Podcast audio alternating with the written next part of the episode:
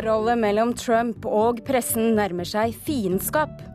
Norwegian Wood bør lære av Roskilde. Etter flere år med røde tall skal nye eiere skape nytt liv i festivalen. Linnea Myhres bok om depresjoner har blitt teater. Hovedpersonen er spent foran helgens urpremiere på Trøndelag Teater. Velkommen til Kulturnytt. Mitt navn er Stine Tråholt. Og Trumps innsettelse, bløte konsonanter og ny stumpa-film er stikkord for dagens fredagspanel. Pressen frykter at de får mindre tilgang til president og regjering når Donald Trump nå kommer til makten. Forholdet mellom Trump og pressen er allerede betent, og høyskolelektor Ketil Raknes beskriver det som en tilnærmet fiendskap. På sikt tror han at det er presidenten og ikke pressen som vil tape mest på å være i konflikt. And then they said, you know, he's killed reporters. And I don't like that. I'm totally against that. I, by the way, I hate some of these people, but I'd never kill them. Donald Trump har vist flere ganger at han har et anstrengt forhold til journalister. Det her sa han under et valgkampmøte i Michigan for litt over ett år siden, da han ble konfrontert med påstander om at Russlands president Vladimir Putin har fått journalister drept. I would never kill them. But I do hate them. And I, I, some of them are such lying, disgusting people. It's true.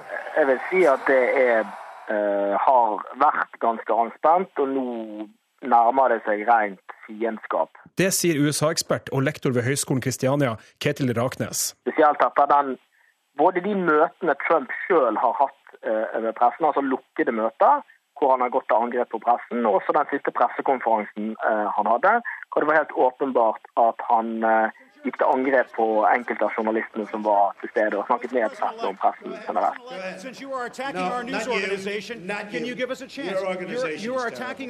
NRKs USA-korrespondent Gro Holm sier at den amerikanske pressen frykter at de får begrensa tilgang til makta. Det har vært knyttet bl.a. til eh, Det hvite hus, der eh, Trumps pressetalsmann har sagt at de vil flytte den daglige brifingen ut fra eh, det rommet inne i Det hvite hus. Og Det betyr også at journalistene flytter ut av Det hvite hus på en måte over i et større lokale. Og Det vil da begrense pressens frie flyt, så å si, med deler av staben til presidenten til daglig. og Det frykter man jo at skal redusere kildetilfanget. At dette er en måte å nettopp begrense pressens innsikt på. Denne uka ble det skrevet et brev til Trump på vegne av det amerikanske pressekorpset, hvor de gjør det klart at pressen har tenkt å være både uredd og pågående i sin dekning. For det forventes flere kamper mellom Trump og pressen. Det er klart at når han f.eks. en periode nektet Washington Post adgang til sine arrangementer, eh, ja, så, er det klart at da reagerer pressen, fordi man mener at det er eh, en begrensning av den fjerde statsmakts mulighet til å utøve sitt embete. Pressen i USA har store utfordringer. Mediene sliter økonomisk, og ifølge en fersk meningsmåling sier bare tre av ti at de har tillit til media, noe som er en kraftig nedgang. Likevel tror Ketil Raknes at Trump på lengre sikt kan få et problem dersom han har et dårlig forhold til pressen. Vedvarende negativ mediedekning har negativ effekt. Upopulære presidenter får selvfølgelig mindre politisk handlingsrom. Sant? Fordi at da blir det vanskeligere for dem f.eks. å samarbeide godt med Kongressen, fordi at presidenten blir mer en belastning. Han ser tendenser til at pressen spiller på lag imot Trump, uavhengig om de er pro-republikansk eller pro-demokratisk. F.eks. Fox News, som da går for å være det mest republikanskvennlige av de store nyhetsmediene i uh, uh, USA, ser du allerede på vei nå i kritisk retning, fordi at Fox News også forholder seg til det vi kan kalle profesjonelle journalistiske normer. Vi har sett flere eksempler for på at Fox News har forsvart andre journalister som blir angrepet av Trump.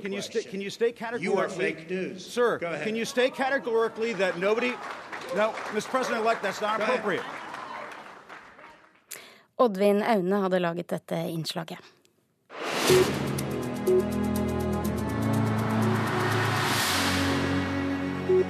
Så til eh, dagens aviser. Du har lest dem, eh, reporter Petter Sommer. Og en av de store sakene denne uka har vært nedbemanningen i TV 2.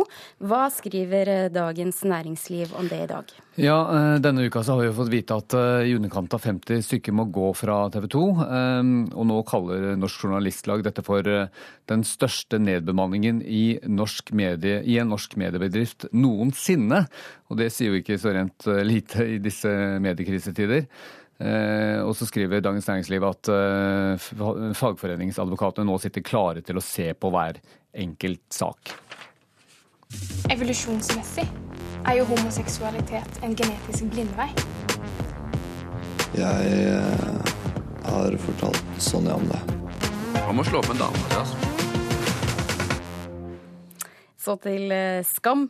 I Hollywood så selger de eh, turistkart over hvor filmstjernene bor. Men i Norge yes. Hva har de gjort i Norge nå? I Norge så har eh, Visit Oslo, altså turistbyrået, da, hvis vi kan kalle det det, i Oslo laget et kart eh, over eh, alle stedene, eller mange steder i hvert fall, hvor Skam-serien er spilt inn. Den er jo så populær i utlandet, så dette må jo utlendingene få greie på når de kommer til Oslo. Kanskje kan man trekke flere turister dit hvis de veit hvor de skal eh, gå rundt i byen. For F.eks. så står det på dette interaktive kartet som ligger på Visit Oslo sine sider at eh, ja, Grønland, som jeg var inne og så på i stad, Isak goes looking for Even in the Grønland area. After Even ran naked out of the hotel, season 3, episode 8. Så er det en sånn link man kan trykke på da og se akkurat denne scenen når man er ute og, går i NRKs nettspiller. Og det er jo veldig smart, hipt og moderne alt sammen. Og det er Dagbladet som skriver om dette i dag. Har det blitt noe populært, da? Ja, eh, det har blitt overraskende populært, sier Visit Oslo selv i hvert fall. Eh, svært mange besøk etter to døgn, uten at det er oppgitt nærmere hvor mange. Men 76 eh, ulike nasjonaliteter eller land har vært innom da, så langt. Så til Aftenposten. De har et intervju med en TV-titter som sparer penger. Hvordan gjør man det? Da sier man rett og slett opp TV-abonnementet sitt. Men hvis man likevel vil se på TV, så, som jo er fullt mulig, så må man skaffe seg en eh, veldig kraftig internettforbindelse. Og den eh, er det jo mange som har, til nå har fått eh, gjennom nettopp kabel-TV-selskapet sitt. Og før nyttår så kunne man ikke fra disse kabelselskapene bare kjøpe internett, men måtte også kjøpe TV-pakke i tillegg. Men etter nyttår så ble det forbudt dette her å bare tilby sånne pakker, så nå må de også tilby rene internettpakker. Og Aftenposten skriver at det er svært få som har sagt opp TV-abonnementet sitt så langt, men de har funnet én som nå har gått for den nye løsningen, og han sier han sparer 4000 kroner i året på bare å ha internett og se eh, TV gjennom eh, linja via en egen boks som han har kjøpt seg. Og dette er noe som én million kabel-TV-kunder kan også kan gjøre dersom de ønsker det, skriver Aftenposten. Takk. Skal vi kalle det det beste fra dagens aviser? Vi kaller det det. Ja. Takk, reporter eh, Petter Sommer. Norwegian Wood bør satse mer på mer enn musikk når veteranene Svein Bjørge og Toffen Gunnufsen kjøper og tar over festivalen. Det mener musikksjef i NRK P3, Mats Borch Bugge. Og I går så fortalte NRK at festivalen nå får nye eiere etter flere år med underskudd. P3s musikksjef mener at festivalen bør lære av Roskilde opplevelse i tilknytning til festival er veldig i tiden. Roskilde har drevet med det i mange mange år. Eh, mange følger nå etter at man kan gjøre ting som handler om eh, enten det er litteratur eller teater eller eh, annen type kunstuttrykk, i tillegg til da å høre på musikk fra en scene. Exactly where was the line? Madrugada, som vi hører her, er bare ett av de mange bandene og artistene som har spilt på Norwegian Wood i Frognerbadet.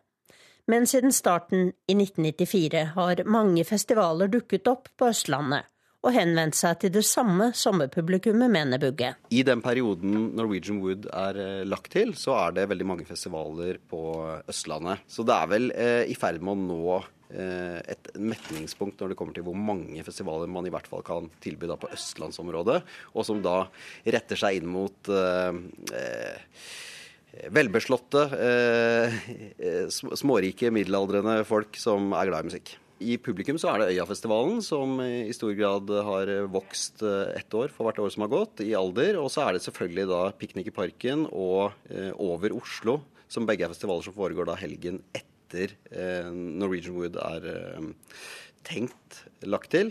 Så det er klart de festivalene vil være reelle konkurrenter til Norwegian Wood. I totalen er jo ekstrem, men nordmenn er jo kultursultne. Sier Per Åsmundsvåg, gründeren bak festivalen Piknik i parken. Men han er ikke redd for konkurransen. Jeg syns det er bare hyggelig. Jeg synes det er fint. Vi har et helt annet publikum igjen. Vi, vi tiltrekker oss en, en, yngre målgruppe og har litt annen musikkprofil enn uh, Norwegian Wood har tradisjonelt gjort. Um, så, så, nei, det, det føler jeg ikke. P3s musikksjef Mats Borch Bugge er mer optimistisk på vegne av den hittil skralle økonomien i Norwegian Wood, etter at det ble klart at Svein Bjørge er en av dem som tar over. Han er kapabel til å snu skuta. Man har jo her en potensiell stordriftsfordel gjennom at det er da aktørene bak Tons of Rock i Halden som har um, kjøpt rettighetene til bruk av merkenavnet uh, og overtar festivalen. Uh, og de kan jo da potensielt booke uh, større pakker fra ulike leverandører av band og artister. og med det få band billigere. Det er jo det det handler om.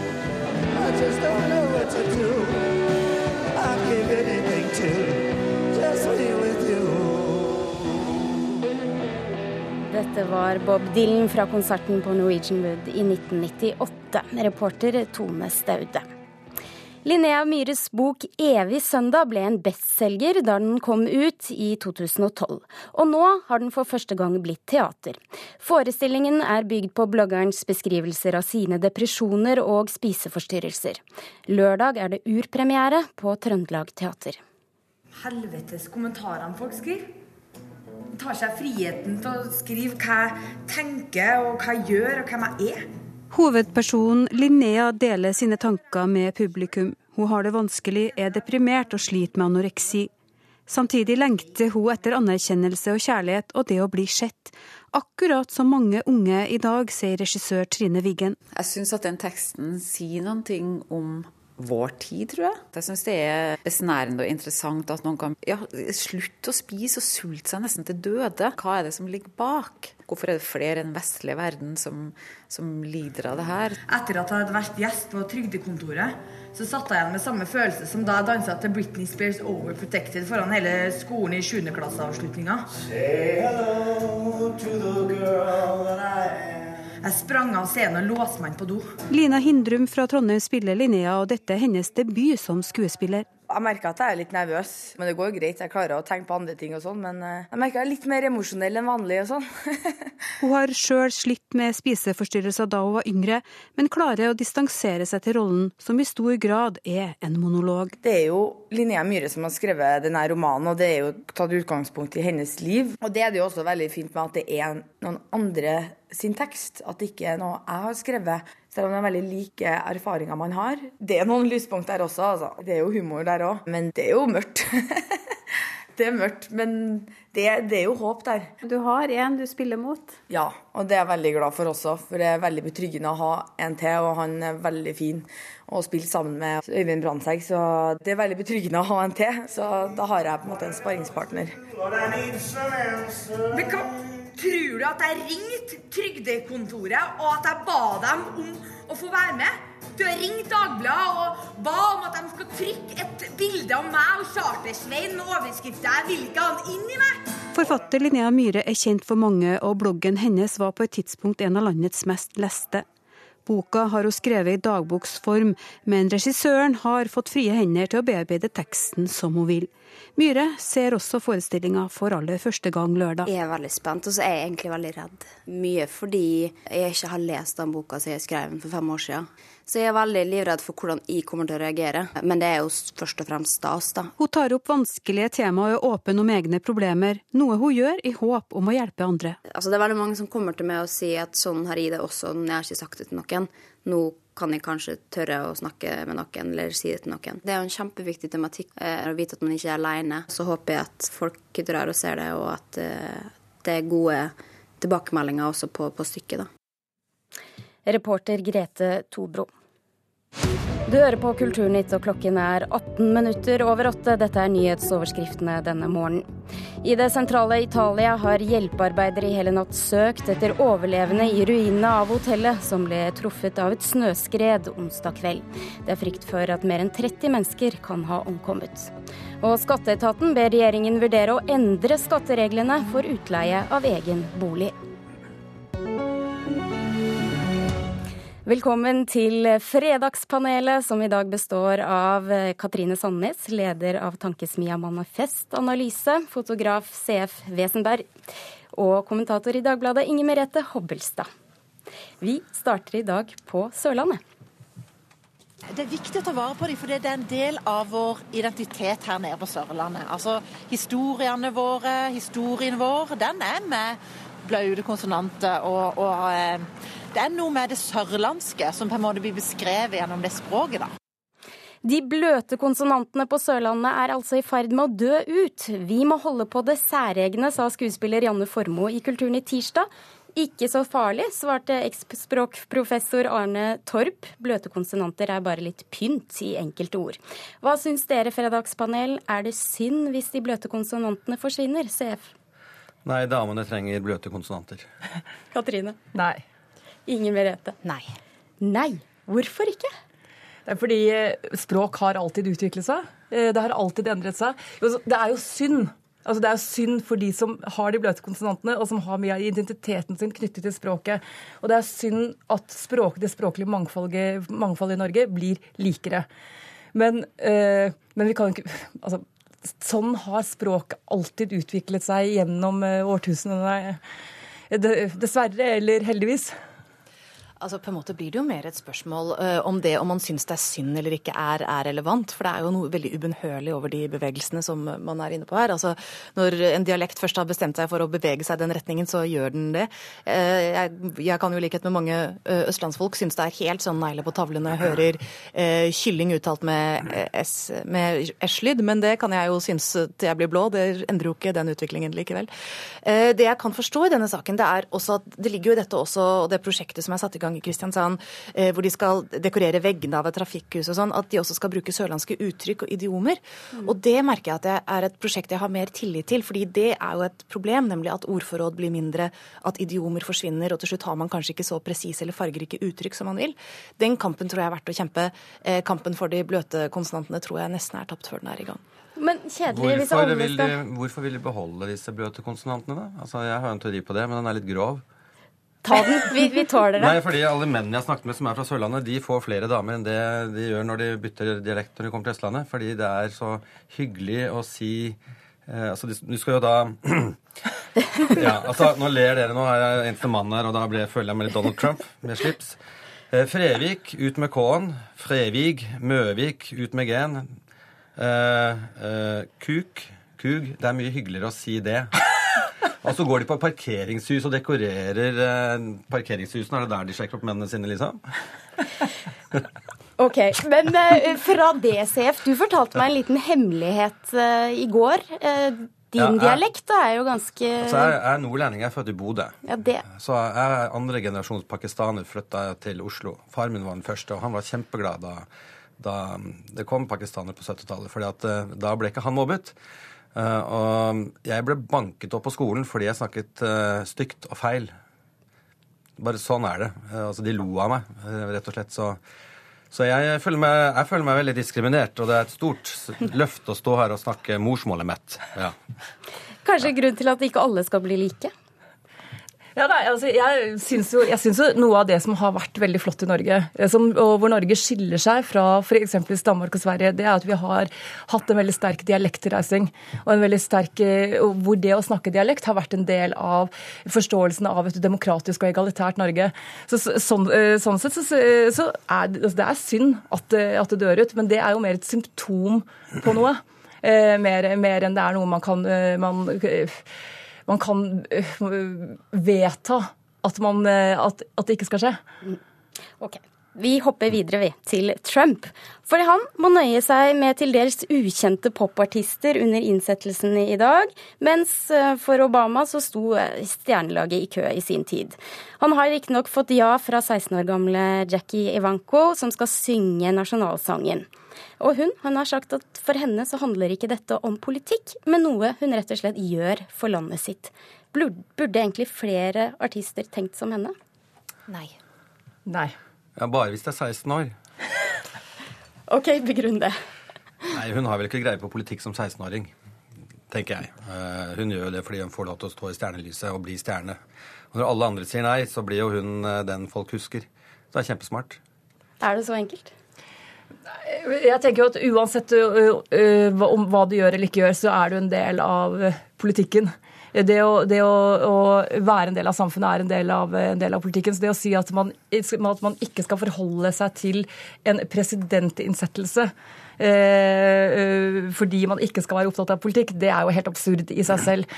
Men så, men så er det jo en, eh, en, annen ting, og det er jo altså På spørsmålet bør flere gjøre som henne eller ikke, så jeg, mangfoldet handler jo nettopp om at folk skal gjøre det de tenker er, tenker er riktig. Så, at, så, for andre mennesker å si at dette bør du gjøre eller dette bør du ikke gjøre, det er jo nettopp den innsnevringen som jeg tenker at man ikke skal, skal gjøre seg til talsmann for. Men han er jo en demokratisk valgt president. Det handler jo litt om å vise respekt for det folket faktisk har stemt fram. Ja, men det er jo også en del av, en del av det demokratiske mandatet å, å, å, være i stand til å takke nei, og ikke bli tvunget til å, øh, til å opptre når man ikke ønsker det.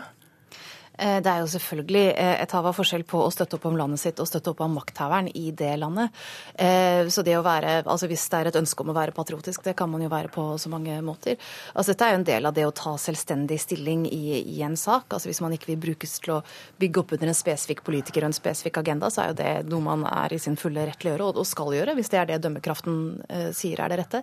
Men når det er sagt, så er det ikke altså Det blir for enkelt hvis man sier at alle burde, altså at ingen burde gjort som henne heller. fordi altså nettopp den selvstendigheten innebærer jo også at det er jo eh, Folk står jo helt fritt også til å delta på dette og til å gi sin støtte til den nye presidenten, men det, eh, der kan man ikke tvinge folk til å gå på geleddet, rett og slett. Kan de vinne noe på å si nei, da? De damene som vinner med noe på å si nei, de får jo Det er jo gjerne de kjente artistene sier jo nei. Det blir litt grov igjen, kanskje, men poenget er at da um, sier også gutta nei.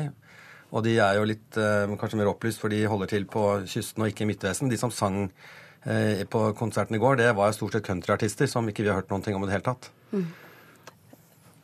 Altså, og, ja. ja. Nei, altså, eh, Det er også en side av saken her at folk har jo sine publikum å ta hensyn til. og Det var jo også en artist som trakk seg fra innsettelsen, nettopp fordi at eh, hennes fans i det homofile miljøet hadde tatt veldig sterkt anstøt fra det. Og igjen, da blir det jo en vurderingssak for den det gjelder. Skal vi mm. hoppe videre til Stumpa? Vent! Med den farta du holder, gjør vi ikke mer enn 4 km i uka. Ja, for dette er stenga mine. Nå igjen. Og så mister jeg skoa. Tull. Så se her. Du må krølle tærne oppover. Det gjør jeg også. De er snart permanentkrølla. Stumpa og Bodø kommer nå tilbake. Neste år så kan det være klart for en ny film om livet på Langåsen pensjonatskole. Og det over 50 år etter at eh, forrige Stumpa-film ble laga. Kan Stumpa engasjere dagens barn, Katrine? Nei, jeg tror ikke det. CF. Serr, du store alpakka. Ja, nei. Inger Merete? Jo. Jo, hvorfor? Eh, fordi jeg tror at disse barna som er hovedpersonene i eh, Ida-fortellinger som blir lansert for barn, eh, man skal ikke alltid tenke at deres situasjon må være identisk med barna som sitter og er publikum. Altså For mange vil jo det være noe av det eventyrlige, at det er en verden som er befolket av stort sett barn og de voksne som de erter. Altså Når man så på Harry Potter, altså han bor jo faktisk også på en internatskole, ikke noe problem der med å, og at det var ikke så mange barn som tenkte at nei, dette ligner min situasjon så lite at dette, jeg, denne fortellingen tror jeg ikke jeg kan forstå meg på. Ehm, det, og det ser du også i veldig mye britisk barnelitteratur f.eks. Så er det jo veldig ofte at eh, hovedpersonen, altså barnet, er enten foreldreløs eller på en eller annen måte isolert fra foreldrene sine. Eh, fordi det gjør jo at de kan settes i farefulle, eh, utrygge situasjoner på en helt annen måte, at spenningsnivået kan skrus opp. For hadde det vært ansvarlige foreldre der, så ville de sagt ikke gå dit, ikke gjør det. Og det er nettopp noe av moroa, og jeg tror den tanken om at en fortelling må ligge veldig nær deg, nær din egen situasjon, ha referanser som du selv har, jeg tror det er en stor misforståelse. Jeg tror noe av mora er å sprenge seg ut av det. Det har du rett i. jeg tror også, Men det store spørsmålet her er, eh, som de diskuterer, er hvilken tidsepoke skal de legge dette her til. Og de tør jo ikke gå så langt som tilbake til den opprinnelige tiden, og ikke nåtiden, men 80-tallet. For det er sånn akkurat passe langt borte. Det er også interessant. For det, det vil jo en del av oss som står her, i hvert fall huske hva var. Tenker jeg. Er det tidsepoken som er problemet, Katrine? Nei, men det, det, jeg tenker jo på, ja, det er vanskelig å svare ja eller nei på dette, fordi alt, det, det kommer jo helt an på Uh, hvor bra filmen blir. Ikke sant? Og, det, og Man kan lage bra filmer av de, av de utroligste bøker, og man kan lage elendige filmer av de beste bøker. Så, så Sånn sett så er det jo for så vidt åpent. Men i, men i utgangspunktet så husker jeg stumpa av bøkene som gudsjammerlig kjedelige. Eh, allerede, da jeg var, allerede da jeg var barn. Eh, og så snakker man om Harry, eh, sammenlignet med Harry Potter. Det, jeg, det er liksom det er, veldig, jeg, det- er veldig urettferdig for de stakkars filmskaperne. For Harry Potter og hans venner de har jo tross alt tryllestaver! Det har ikke Stumpa. Og hva, Harry Potter uten magi og uten magiske egenskaper ville jo vært veldig mye dårligere. Det kan jo være at, at en sånn film kan styrke fremtidige menns selvbilde i en verden hvor vi er overbefolket med kvinner og moral. Ikke, ikke i film, det må, det Nei, må vi være tenker- enige om. Nei, nå snakker jeg om det vi ser på film. fordi her har du gutter som får lov til å leke seg fritt, som du sa, eh, og får lov til å være barn. De får lov til å, eh, å gå og gjøre disse små ugangstingene. Det er ingen foreldre som eh, trer på de hjelm og er livredde for at de skal eh, sykle og gjøre ting som, eh, som er fy-fy. Og jeg tror det kan, det kan være interessant. Og så mm, så jeg ønsker det velkommen. Eh, altså, jeg er jo helt enig i at alt dette kommer an på hvordan dette løses. Mm. men det er faktisk et litt sånn prinsipielt ståsted der også eh, for min del. Og det er at altså, det virker som på en måte som man tenker, og det gjelder faktisk også voksne publikum, at hvis noen på et eller annet tidspunkt føler at det er noe de ikke forstår, eller noe de er usikre på, eller en verden de syns er rar, så er det liksom en dårlig ting. Og det er en litt sånn syke i norsk manus generelt, altså på TV, på film, for barn, for voksne, det er at det er lite undertekst. Eh, at folk forklarer veldig hvem de er, hva som er agendaen deres, hva de føler for hverandre. Og dermed føles det fort litt stivt, fordi det er en verden som ikke blir spesifikk, og det er en opptreden som er annerledes enn hvordan folk eh, vanlig, vanligvis opptrer. Så jeg vil gjerne da slå et hardt slag for å være, lage spesifikke verdener som gjør at du skjønner kanskje ikke eh, hver eneste ting du ser, du føler ikke at hver eneste ting er, handler direkte om ditt eget liv, men sånn skal det være. Da får du siste ord, Inger Merete Hobbelstad, kommentator i Dagbladet. Og vi takker også Katrine Sandnes og CF Wesenberg for eh, følget i dag. Produsent for sendingen var Gjermund Jappé. Nå får du Dagsnytt.